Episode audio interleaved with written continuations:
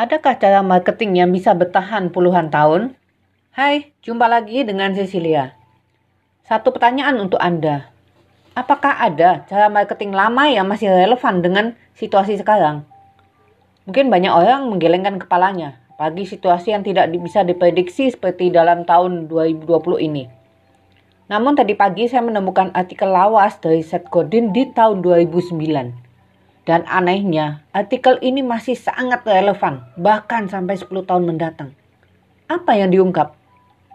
New marketing adalah power of 10. Bagaimana Anda bisa menemukan kekuatan bisnis dari 10 orang list kecil Anda? Hmm, hal ini bertolak belakang dengan penyataan yang selama ini beredar tentang membangun list alih-alih bangun list segede gajah dan mati suri, dan membuat bengkak biaya langganan autoresponder. Mengapa tidak melakukan sebaliknya? Temukan 10 orang terdekat Anda, orang yang respect dan menghargai Anda. Daripada Anda kehabisan waktu dan tenaga untuk mencari list baru setiap hari.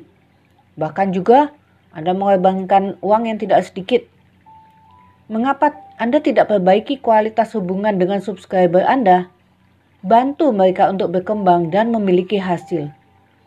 Bukankah itu artinya Anda akan mempunyai postur dan mereka tidak akan melupakan Anda sebagai salah seorang sahabat yang telah membantunya? Anda bisa bekerja sama bisnis juga dengan kerjasama tim dengan mereka.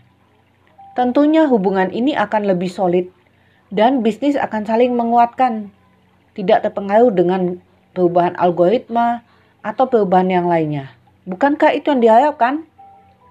Oke, sekian dulu dari saya. Sampai bertemu besok.